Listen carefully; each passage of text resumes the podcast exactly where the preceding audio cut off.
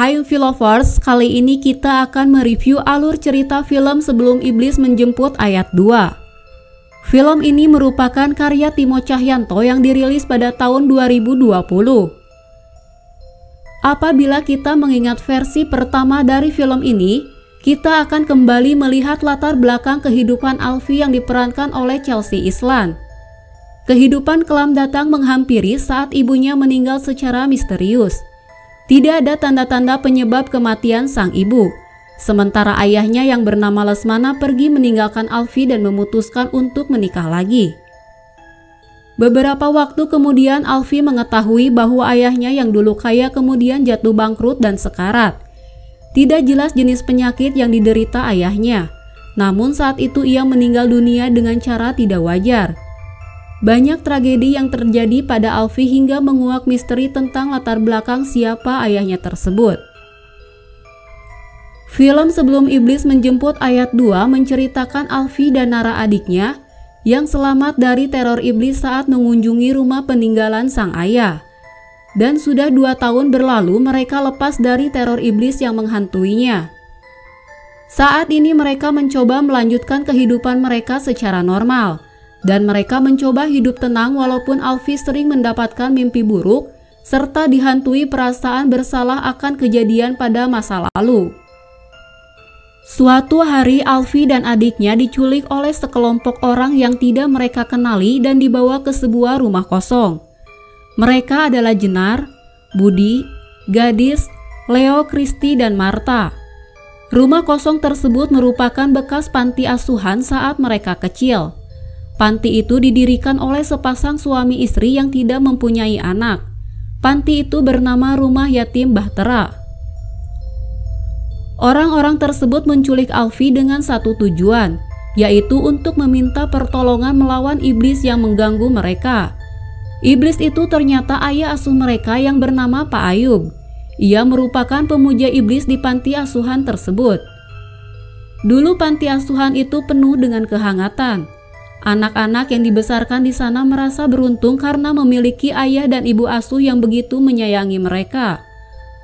Waktu berlalu begitu cepat. Saat ibu asuh mereka meninggal, semuanya berubah seperti di neraka. Rumah tersebut berubah menjadi mengerikan. Saat ada yang berani melawan, ia diberi hukuman. Ia dikunci di dapur tanpa makan, tanpa minum, tanpa lampu, tanpa suara dari luar dan itu terjadi selama berhari-hari. Mereka seperti mengalami mimpi buruk tanpa ada habisnya. Pada akhirnya rumah panti itu ditutup karena mengalami kebakaran. Ayah panti mereka tewas dalam kebakaran tersebut. Mereka dibesarkan di panti asuhan yang lain dan menjalani hidup mereka masing-masing. Namun mereka berjanji tidak akan saling melupakan satu sama lain. Mereka semua sepakat menculik Alfi karena merasa putus asa. Mereka yakin kalau Pak Ayub ayah asuh mereka kembali lagi dari kematian untuk balas dendam.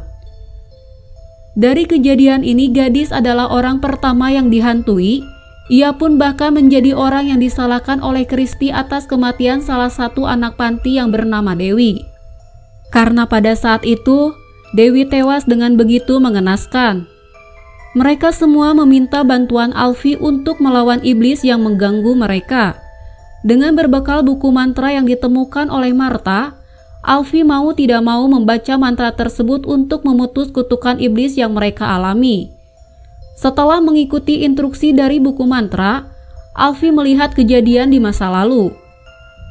Kebakaran yang terjadi di panti adalah hal yang sengaja mereka lakukan saat itu mereka menyiram Pak Ayub dengan minyak dan membakar Pak Ayub hingga tewas.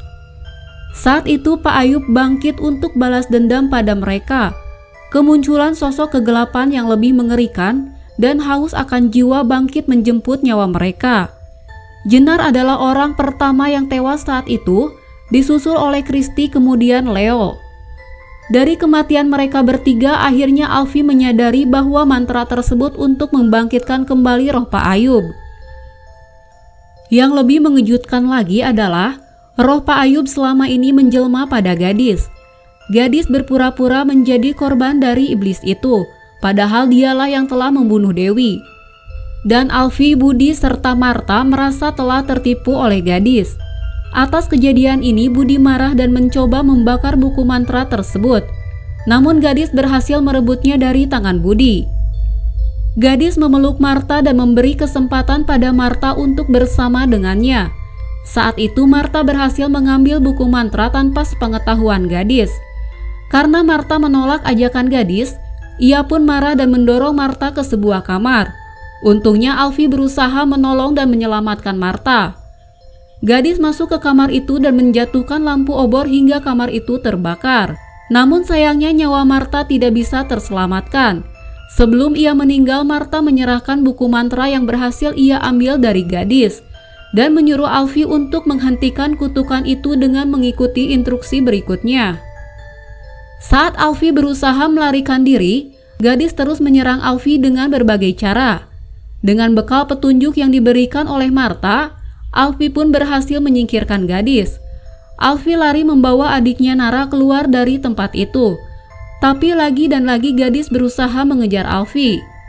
Untungnya Budi telah menanti Alfi di dalam mobil dan ia langsung menabrak gadis hingga tewas. Sebelum kematiannya, Alfi, Budi, dan Nara menyaksikan Pak Ayub keluar dari tubuh gadis dan menyerang mereka bertiga hingga Budi jatuh pingsan. Roh Pak Ayub masuk ke dalam tubuh Alfi untuk memberi hasutan. Saat itu Alfi menusuk dirinya dengan pisau di luar kesadarannya meskipun Nara telah mencegahnya. Budi bangun dari pingsan dan berusaha menyelamatkan Alfi. Karena kekuatan diri Alfi akhirnya ia hidup kembali.